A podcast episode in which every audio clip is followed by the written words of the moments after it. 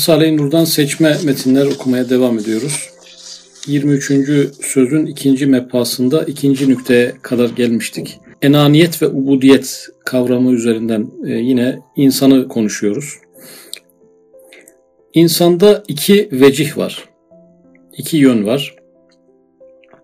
Birisi enaniyet cihetinde şu hayatı dünyeviyeye nazırdır. Diğeri ubudiyet cihetinde hayatı ebediyeye bakar. Yani insanın bir dünyaya dönük tarafı var, bir de ahirete dönük tarafı var. Dünyaya dönük tarafına enaniyet diyoruz. E, ahirete dönük tarafına da ubudiyet diyoruz. Dünyaya dönük taraf neden enaniyet diyoruz? E, Ene Risalesi'nde anlatılan aslında geniş bir mevzu. Yani e, Cenab-ı Hak kendi sıfat ve şuunatından e, temsili olarak insana vermiş. İnsan da onların yansımalarıyla yaşıyor. E, Cenab-ı Hakk'ın kainata sahip olduğunu anlaması için insana da bir sahiplik yeteneği verilmiş. İzafi sahiplik. Yani kendi izafi sahipliğiyle hakiki sahipliği anlayabiliyor. E, kendi malikliği üzerinden Cenab-ı Hakk'ın malikliğini anlıyor. Kendi e, görevleri üzerinden e, kendi terbiye edicilik vasfı üzerinden Cenab-ı Hakk'ın rububiyetini anlayabiliyor. E, insana dünyanın yöneticiliği verilmiş. Yani imar ve inşası, e, tanzim ve düzenlenmesi insana bırakılmış, verilmiş. E, dolayısıyla insanın enaniyeti adeta Cenab-ı Hakk'ın sıfatlarını ve isimlerinin yansımalarını kullanarak dünyada bazı e, işler yapmak, bazı fonksiyonlar eda etmek e, ama diğer yönü ahirete dönük ubudiyet ciheti.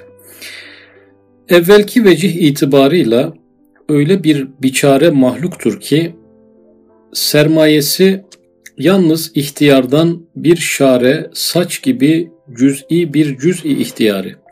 Şimdi öncelikle ubudiyetini konuşmuyoruz. Yani insanın ubudiyetini e, geçici olarak parantez içine alırsak, onu bir arka planda bırakırsak, e, insanın enaniyet cihetiyle incelersek, insana neler verilmiş? Sermayelerimiz sayılıyor. E, yani kıldan ince, küçük, zayıf bir e, cüz-i ihtiyari, küçücük bir cüz-i ihtiyari verilmiş. Ve iktidardan zayıf bir kesp, yani güç olarak insana ne verilmiş? Çok zayıf bir güç verilmiş. Kainattaki o büyük sistemlere bakılırsa insanın kuvveti ancak elinin yetiştiği yere kadar. Ve hayattan çabuk söner bir şule ve ömürden çabuk geçer bir müddetçik. Yani taşlar milyonlarca yıl yaşıyor. Bir pet şişeyi atıyorsunuz 500 yıl ayakta durabiliyor. Ee, insan 50-60 yılda hemen göçüp gidiyor. Yani insana verilen ömür süresi de oldukça az olduğu için müddet bile demedi yani müddetcik. Ve mevcudiyetten çabuk çürür küçük bir cisimdir. Yani insanın e, insana bir beden verilmiş e, varlık e, yönüyle maddi boyutuyla ama bu kadar çabuk ölen bir de üstelik çabuk çürüyen. Yani herhalde bir iki sene sonra o mezara başkasını da gömebiliyorlar. Ne de olsa bir zerresi bile kalmadığı için hemen üstüne altına birilerini de e, defnedebiliyorlar. O haliyle beraber kainatın tabakatında serilmiş hadsiz envaın hesapsız efradından nazik zayıf bir fert olarak bulunuyor. Yani insana ubudiyet yönüyle bakmazsak dünyadaki varlıklarla bir kıyasladığımız zaman hem az yaşayan hem gücü az olan, iradesi de çok kısıtlı olan e, diğer varlıklarla kıyaslandığı zaman da fazla nazik, fazla zayıf, fazla duygusal yani çok güçsüz e, birçok varlığın başına bir şey gelmişse onu unutuyor. Gelecek şeylerden de korkmuyor. İnsan o kadar nazik ki gelecek ve geçmiş ortada olmadığı halde onların etkileriyle bile travmalar yaşayabilen böyle çıt kırıldım, e, zayıf, kompleksli bir varlık olarak karşımıza çıkıyor. İkinci vecih itibarıyla yani artık ubudiyete geçiyoruz ve bilhassa ubudiyete müteveccih acz ve fakr cihetinde pek büyük bir vüs'ati var. Yani konu onun ubudiyetine gelince e, onun ubudiyetini harmanlayacak, alevlendirecek iki tane güçlü kavram var. Acz ve fakr. Yani en güzel ubudiyete yarar. E, ubudiyet konusunda bayağı iş görür. iki tane kavram. Yukarıda zayıf ve nazik demişti. E, zayıf ve nazik olması onun kulluk boyutuna zaten zenginleştiren bir yanı. E, pek büyük bir ehemmiyeti bulunuyor. Çünkü Fatır-ı Hakim insanın mahiyeti maneviyesinde nihayetsiz azim bir acz ve hadsiz cesim bir fakr derc etmiştir. İnsanın mahiyeti maneviyesi, e, manevi anatomisi e, çok büyük bir e, acziyet ve fakriyet, kasıtla adeta özel bir beklenti e, var olduğunu hissettirecek şekilde e, insanın odağına yerleştirilmiş bu iki mesele. Neden yerleştirilmiş? Ta ki kudreti nihayetsiz bir kadiri rahim ve gınası nihayetsiz bir gani kerim bir zatın hadsiz tecelliyatına cami geniş bir ayna olsun. Niye bu kadar? Yani bunun yüzde biri e, olabilecekken yüz katı niye acizlik verilmiş? E, fakrı yüzde bir olabilecekken niye yüz kat daha fakr verilmiş? E, çünkü Cenab-ı Hakk'ın e, kadiri rahim olduğunu anlasın diye, kadiri rahim oluşu onun üzerinde yansısın diye acziyet verilmiş. Cenab-ı Hakk'ın zenginliğini e, ve cömertliğini algılasın diye de fakr verilmiş. Gani-i Kerim. Yani fakr verilmiş ki o fakirlik üzerinden zengin olan yaratıcısını, cömert olan yaratıcısının ne kadar cömert olduğunu, ne kadar zengin olduğunu o, o, onun üzerinden e, tecelli ederek e, bir ayna durumuna gelsin, yansıma e, meydana gelsin. Evet, insan bir çekirdeğe benzer. Nasıl ki o çekirdeğe kudretten manevi ve ehemmiyetli cihazat ve kaderden ince ve kıymetli program verilmiş. Yani insana bir cihaz verilmiş, bir de e, program verilmiş. Cihaza ehemmiyetli vasfını verdi, programa da kıymetli bir program e, denmiş oldu. Aslında çok bugün rahat anlayabileceğimiz bir mantıkla donanım ve yazılım diyebiliriz. Yani e, aletler, cihazat yönüyle donanım e, diyebiliriz. E, o cihazların çalışma yöntemlerine e, de burada yazılım diyebiliriz. Ta ki toprak altında çalışıp ta o dar alemden çıkıp geniş olan hava alemine girip Halıkından istidat lisanıyla bir ağaç olmasını isteyip kendine layık bir kemal bulsun. Kendine layık bir kemal. Yani bütün insanlar teker teker e, diğer insanlarda olmayan bir e, yazılıma sahip olduğu için herkes kendi içindeki kodların dışa çıkması, bil fiilden, e, bil kuvveden bil fiile çıkması. Herkesin kendini gerçekleştirme tarzı ayrı ayrı. Herkes çekirdek gibi bir insan olmaktan ağaç gibi bir insan olmaya giden yolda herkes kimi kiraz ağacı, kimi kayısı ağacı, kimi portakal ağacı olacağı için herkesin kendine layık bir kemali var. Onun gerçekleşmesi için insana cihazlar ve programlar yerleştirilmiş. Eğer o çekirdek sui mizacından dolayı ona verilen cihazat-ı maneviyeyi toprak altında bazı mevad-ı muzırrayı celbine sarf etse o dar yerde kısa bir zamanda faydasız tefessüh edip çürüyecektir. Sui mizacından dolayı yani herkes bir çekirdektir ama müminler ayrı çekirdektir. E, burada kafirler ayrı çekirdektir.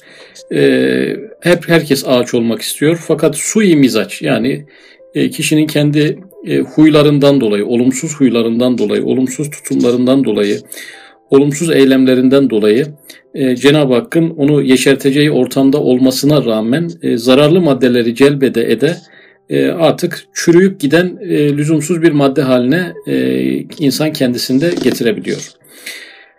Eğer o çekirdek o manevi cihazatını falikul habbi ve neva Enam suresinde bir ayet e, çekirdekleri ve taneleri çatlatan e, ifadesi Cenab-ı Hakk'ın vasıflarından birisi. Emri tekvinisini imtisal edip hüsnü istimal etse o dar alemden çıkacak meyvedar koca bir ağaç olmakla küçücük cüz'i hakikati ve ruhu manevisi büyük bir hakikati külliye suretini alacaktır. İnsan büyük bir varlık mı, mühim bir varlık mı? Ee, eğer ki e, yanlış maddeleri kullanırsa, yanlış tercihler yaparsa e, insan e, çok önemli bir varlık olmayı bırakalım en değersiz yani aşağıların aşağısına, esfeli safiline düşecek bir varlık. Eğer ki zararlı maddeleri istimal ederek e, kendisini tefessüh ettirecek bir e, konuma sokarsa bırakın normal insan olmayı, insanlar arasında düşük insan olmayı da geçiyorum. E, hayvanların bile artık çok aşağısı bir mertebeye düşebiliyor. E, ama e, eğer ki bu şartları iyi değerlendirebilirse e, önüne çıkan işte ibadetlerde, müsibetlerde, hayat içerisindeki şartlarda hepsini değerlendire değerlendire e, çok büyük bir e, ağaca dönüşmek bir hakikati külliye suretini alma imkanıyla karşı karşıya. İşte aynen onun gibi insanın mahiyetine kudretten ehemmiyetli cihazat ve kaderden kıymetli programlar tevdi edilmiş. Önemli cihazlar yerleştirilmiş. O cihazlara da kıymetli programlar e, yerleştirilmiş. Eğer insan şu dar alemi arzide hayatı dünyeviye toprağı altında o cihazat-ı maneviyesini nefsin hevesatına sarf etse, bozulan çekirdek gibi bir cüz'i telezzüz için kısa bir ömürde, dar bir yerde ve sıkıntılı bir halde çürüyüp tefessür ederek mesuliyeti maneviyeyi bedbaht ruhuna yüklenecek şu dünyadan göçüp gidecektir. Yani burada nefsin heveslerine yani çok cihazlarımız var ama cihazlarımızdan biri de nefs.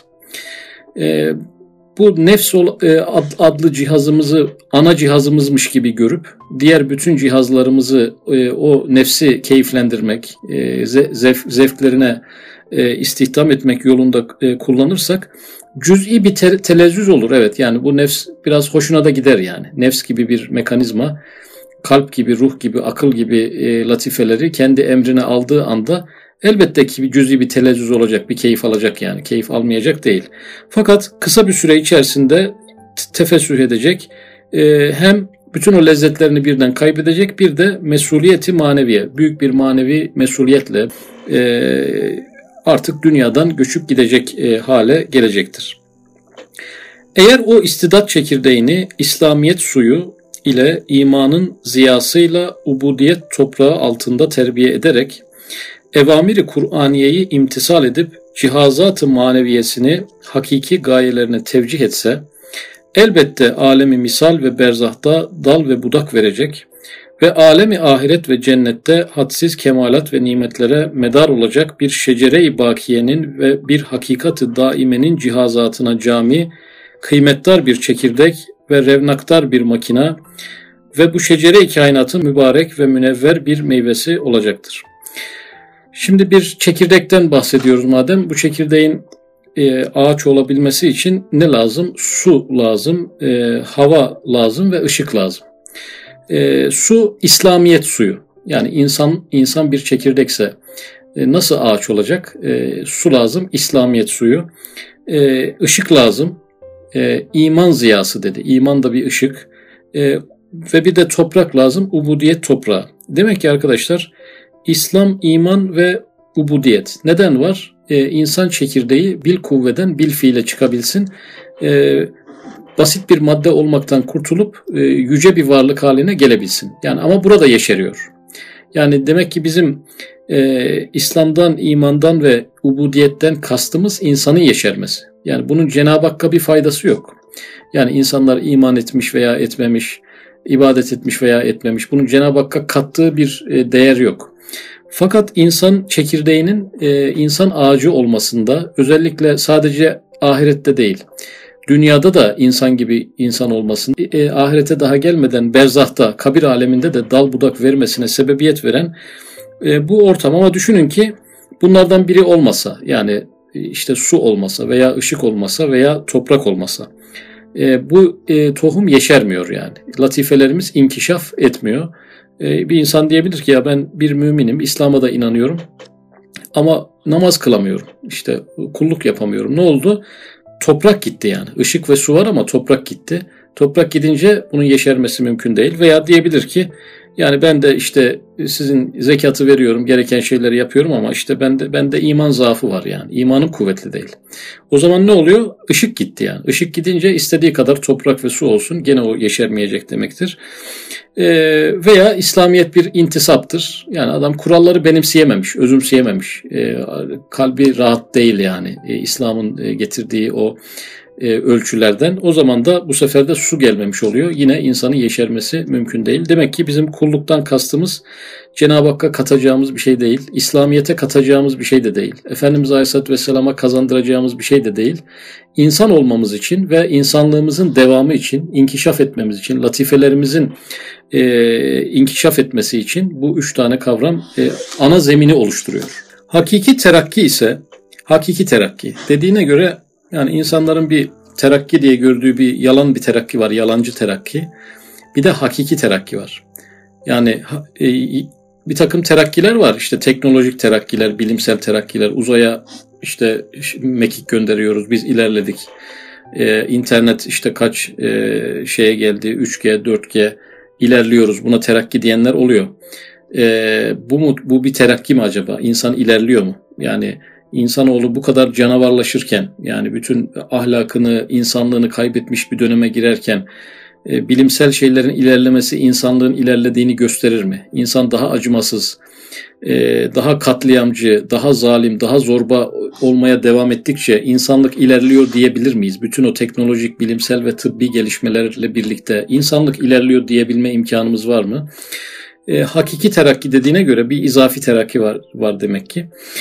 Hakiki terakki ise insana verilen kalp, sır, ruh, akıl, hatta hayal ve sair kuvvelerin hayatı ebediyeye yüzlerini çevirerek her biri kendine layık hususi bir vazife-i ubudiyet ile meşgul olmaktadır. Gerçek ilerleyen insan, ileri insan e, kimdir? İlerlemiş insan kimdir? E, kalbi e, ebediyete bakıyor. Mesela kalbinin nerede kullanıyor? Muhabbetullah'ta kullanıyor. Mesela bir insanın aklı ilerlemişse göstergesi nedir? Marifetullah'ta kullanması. Aklını marifetullah'ta kullanabiliyorsa insan ilerlemiş demektir. Hayal kelimesi geçti. Diyelim ki hayali tefekkürde kullanabiliyorsa insan ilerlemiş demektir. Yoksa bir takım kirli e, menhus şeylerde bu hayal organını kullanıyorsa bu insana ilerlemiş bir insan diyemeyiz. Yüzlerini çevirmek diyor. Demek ki bunların yüzleri dünyaya dönük. Öyle kendiliğinden ahirete dönmüyor. Yani kalp durduk yere muhabbetullahla işe başlamıyor. Akıl kendiliğinden ilk serbest bırakınca marifetullah'a koşmuyor. Yüzlerini çevirmek dediğine göre bizim bir operasyon yapmamız lazım ki bu latifeler o vazifelere doğru e, dönmüş olsunlar. Yoksa ehli dalaletin terakki zannettikleri hayatı dünyeviyenin bütün inceliklerine girmek ve zevklerinin her çeşitlerini Hatta en süflisini tatmak için bütün letaifini ve kalp ve aklını nefsi emmareye musahhar edip yardımcı verse o terakki değil sukuttur. Üste hakiki terakkiyi anlattığına göre bir yalancı terakkiyi de anlatacağı hissi oluşmuştu zaten. Demek ki bazı insanlar da terakkiye şu anlamı vermişler. Her tadı almak. Yani alınabilecek bütün lezzetleri e, tadabilmek, e, gençliğini yaşamak diyorlar ya. Yani işte sen gençliğini yaşamamışsın diyorlar. Ne demek istiyorlar? Yani girilebilecek bütün e, günahlara girmemişsin anlamında bunu söylüyorlar.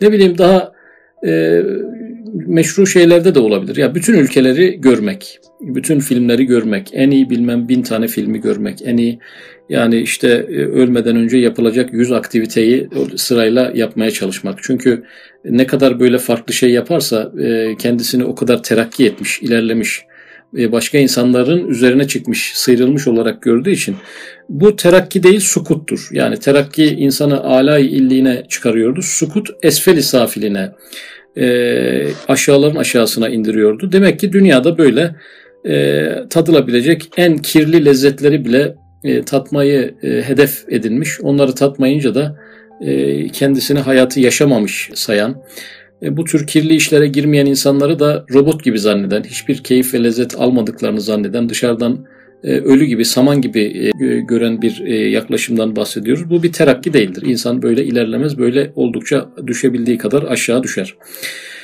Şu hakikati bir vakayı hayaliyede şöyle bir temsilde gördüm ki, ben büyük bir şehre giriyorum. Baktım ki o şehirde büyük saraylar var. Bazı sarayların kapısına bakıyorum. Gayet şenlik, parlak bir tiyatro gibi nazarı dikkati celbeder, herkesi eğlendirir bir cazibedarlık vardı. Yani o sarayları şimdiden metin ilerlemeden kafamız karışmasın diye e, yani bazı saraylar mümin insanı temsil ediyor, bazıları kafiri e, temsil ediyor. Önceden bilmek e, icap eder. Sarayın kapısı da hani kuvve-i zayika kapıcıdır diyordu ya iktisat risalesinde. Şimdi üstadın gördüğü bu şenlik saraylar böyle üst önü tiyatro, eğlenceyle dolu kapısı. Kapı ne demek? Yani e, o insanlar bedenen e, işte kuvve-i şeheviye ve kuvve-i gadabiye noktasında, nefsi emmare noktasında e, bir şenlik içinde gibiler dünyada. Yani o haz perest bohem insanlara bakınca bir şenlik var yani. Ama bedene bakan bir şenlik. Kuvve-i zayikaya, dışa bakan bir şenlik. İçeride acaba o şenlik var mı? Şimdi bu hemen o saraylar aslında e, dış görünüş şu itibariyle herkesi özendirdiğini buradan görüyoruz. Dikkat ettim ki o sarayın efendisi kapıya gelmiş it ile oynuyor ve oynamasına yardım ediyor. Şimdi burada e, köpek yerine it dendi. Bu dil biliyorsunuz değişen bir şey. O dönemler böyleydi. Bugün kaba bir laf gibi görünüyor ama o dönem için bir tespit yani kelimeler böyle belki 10 yılda bir bile e, kelimeler yer değiştirebiliyor. Sarayın efendisi kimdir? Yani insanın kalbi, kalp yani e, insanın kalbi gelmiş ne yapıyor? E, nefsi emmare ile oynuyor ve oynamasına yardım ediyor. Yani insanın en önemli latifesi olan kalbi, aklı nefsine e, oy, oyuncak olmuş durumda dışarıda. Yani adamın evet bir aklı var, bir ruhu var, bir kalbi var ama nefsi o kadar değerli ki onun için. Aklını nefsinin hazlarının mühendisliğini e, yapmak için kullanıyor. Yani dünyanın neresinden hangi lezzeti nasıl alırım konusunda öyle bir zihinsel çalışma yapıyor ki akıl onu zengin de yapıyor. Akıl onu başarılı da yapıyor. Kariyerinin en yükseğini de çıkarıyor akıl. Neden? Daha fazla hazlar alabilsin diye bunu yapıyor. Ne oldu? Nefsi emmareye e, akıl gibi yüksek bir organ e, hizmetkar oldu ve onu en büyük hazların doruğuna kadar çıkartabilecek seviyede bir takım tasarımlar e, sundu. Ona öyle bir yardımcılık yaptı. E, dolayısıyla e, burada sarayın efendisinin e, dışarıdaki köpekle oynaması yani kalbin e, nefsi emmareye musahhar olmasını ifade ediyor. Hanımlar yabani gençlerle tatlı sohbetler ediyorlar. Yani yine bir takım latifelerden bahsediyor. Hanımlar bir takım latifeleri temsil ediyor ama işte ruh mu kalp mi herhalde kalbe daha çok denk geliyor olabilir. Yabani gençlerle tatlı sohbetler ediyorlar. Yani vazifesi haricinde şeylerle uğraşıyorlar. Kalbin vazifesi neydi? E, muhabbetullah'tı. O da belki başka işlerle uğraşıyor. Başka varlıkları sevmekte bu potansiyelini kullanıyor.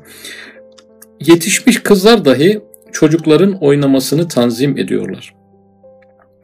Burada da yani eğitim almış, e, yetişmiş, terbiye görmüş, çok büyük görevler yapabilecek latifelerimiz e, çok basit gene nefsi emmarenin oyunları için. Yani insan o kabiliyetleri kazanıyor, ilkokulu okuyor, liseyi okuyor, üniversiteyi bitiriyor, ciddi sertifikalar alıyor, şeyler alıyor, çok ciddi eğitimlerle kazandığı şeyleri nefsi emmaresi e, uğruna bütün hepsini harcamaya başlıyor. Ne oluyor? Yetişmiş latifeler hiç yetişmemiş, tamamen bir çocuk gibi olan, akıbeti görmeyen, kör olan, e, insanın en e, böyle mantıksız yapısı olan nefsi emmaresi için o büyük akıl, büyük ruh, ruh büyük latifeler, eğitim aldıkları bütün eğitimleri o, o çocuğun o küçücük bir e, lezzeti için sarf etmeye, kullanmaya başlıyorlar.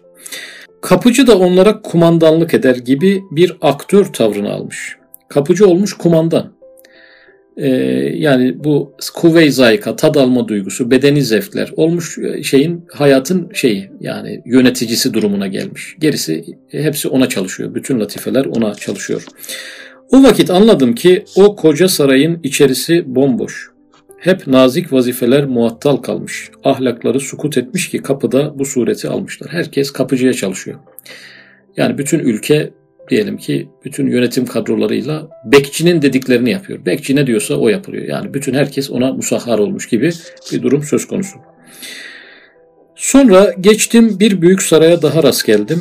Gördüm ki kapıda uzanmış vefadar bir it ve kaba, sert, sakin bir kapıcı ve sönük bir vaziyet vardı. Bu saraylarda mümin insanı temsil ediyor. Dışarıdan gördüğümüzde yani böyle bir şenlik falan yok yani müminin dışarıdan yani böyle gidiyor evinde, camisinde, namazında, niyazında, orucunda böyle etrafı şatafatlı, böyle keyiflerle örülü böyle e, bir karnaval festival havası yok yani dışarıdan. Hatta birazcık böyle kaba ve sert de görünüyor dışarıdan yani. Yani sanki mutsuz. Yani oruç tutan bir insana baktığımızda hani orucun verdiği hafif bir kırgınlık. Yani bu insan böyle hayattan bezmiş gibi de durabilir. Yani görüntü itibariyle.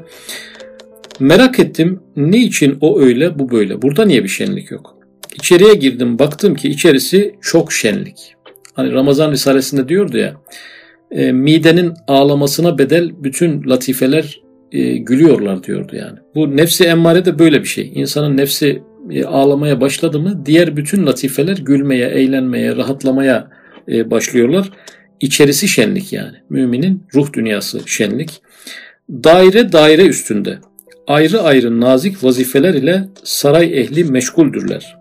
Birinci dairedeki adamlar sarayın idaresini, tedbirini görüyorlar. Üstündeki dairede kızlar, çocuklar ders okuyorlar. Daha üstünde hanımlar gayet latif sanatlar, güzel nakışlarla iştigal ediyorlar.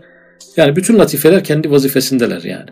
Hepsi keyif içerisindeler. Dışarıdaki kapıcı biraz üzgün. Böyle sürekli lezzet akmadığı için bedene. Orada bir üzgünlük var ama sarayın tamamı Yani o bedenin, ruhun tamam bütün fakülteleri e, ciddi bir şenlik, böyle bir şen şakrak bir durum içerisindeler ama dışarıdan görünmüyor yani.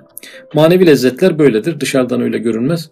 E, Üstad Hazretleri de e, bir anı e, seyyale nuru enver yani o, bir anlık yani bir nur e, binlerce sene e, öyle olmayan ana müreccahtır.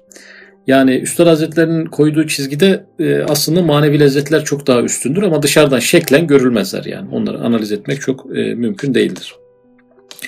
En yukarıda efendi padişahla muhabere edip halkın istirahatını temin için ve kendi kemalatı ve terakkiyatı için kendine has ve ulvi vazifeler ile iştigal ediyorlar. Efendi neydi? Kalp.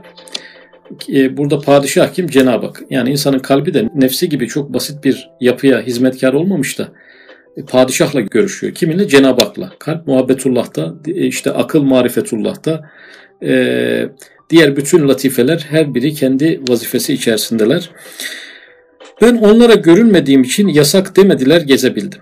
Yani birisinde nefsi emmare bütün latifeleri kullanıyor.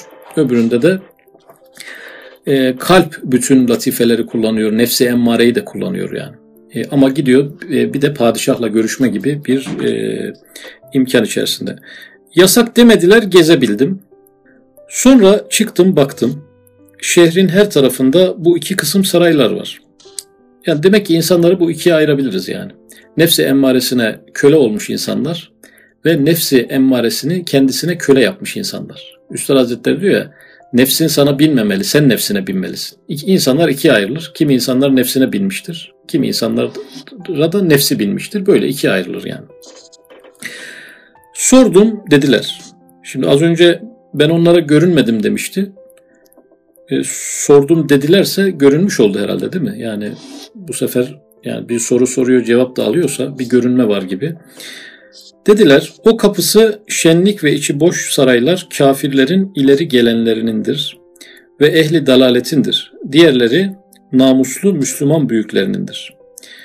Yani bu saraylar öyle sıradan insanların sarayları değilmiş yani o alemde. Üstad Hazretleri makamları yüksek makamları görüyor. Yani alay illiğindeki yüksek Müslüman alimlerin e, makamlarıyla e, esfeli safilindeki o büyük kafirlerin Şimdi namus kelimesi nereden geldi? Namuslu Müslüman büyüklerinindir. Burada çok namusla ilişkilendirebileceğimiz çok bir mevzu yok. E, bu namus biraz sözlük anlamıyla bakmak lazım. Namus kanun demek yani. Hatta Cebrail aleyhisselama namusu ekber e, deniliyor tasavvufta. Biraz prensip ve fazilet anlamına gelen bir taraf olduğu için namuslu Müslüman büyüklerindir. Yani faziletli, e, prensipli Müslüman büyüklerindir diye alınabilir. Sonra bir köşede bir saraya rast geldim. Üstünde Said ismini gördüm. Üstünde Said ismini gördüm. Merak ettim. Daha dikkat ettim. Suretimi üstünde gördüğüm gibi bana geldi. Kemali taaccübümden bağırarak aklım başıma geldi, ayıldım. İşte o vakayı, hayaliyeyi sana tabir edeceğim. Allah hayretsin. Demek ki bir şeyi tabir etmeden önce bir dua yapmak lazım. Allah hayretsin diye. İşte o şehir ise hayatı içtimaiye beşeriye ve medineyi medeniyeti insaniyedir. Yani bu şehir e, toplumsal hayattır, e, şehir hayatıdır, medeni insanın şehir hayatıdır. Birbirimize muhtaç olduğumuz, birbirimizle e, irtibatta kalmak zorunda kaldığımız, bedevi olamadığımız, herkesin herkese işinin düştüğü bir hayattır. O sarayların her birisi birer insandır. O saray ehli ise insandaki göz, kulak, kalp, sır, ruh, akıl gibi letaif ve nefis ve heva ve kuvve-i şeheviye ve kuvve-i gazabiye gibi şeylerdir. Her bir insanda her bir latifenin ayrı ayrı vazife-i ubudiyetleri var. Ayrı ayrı lezzetleri, elemleri var.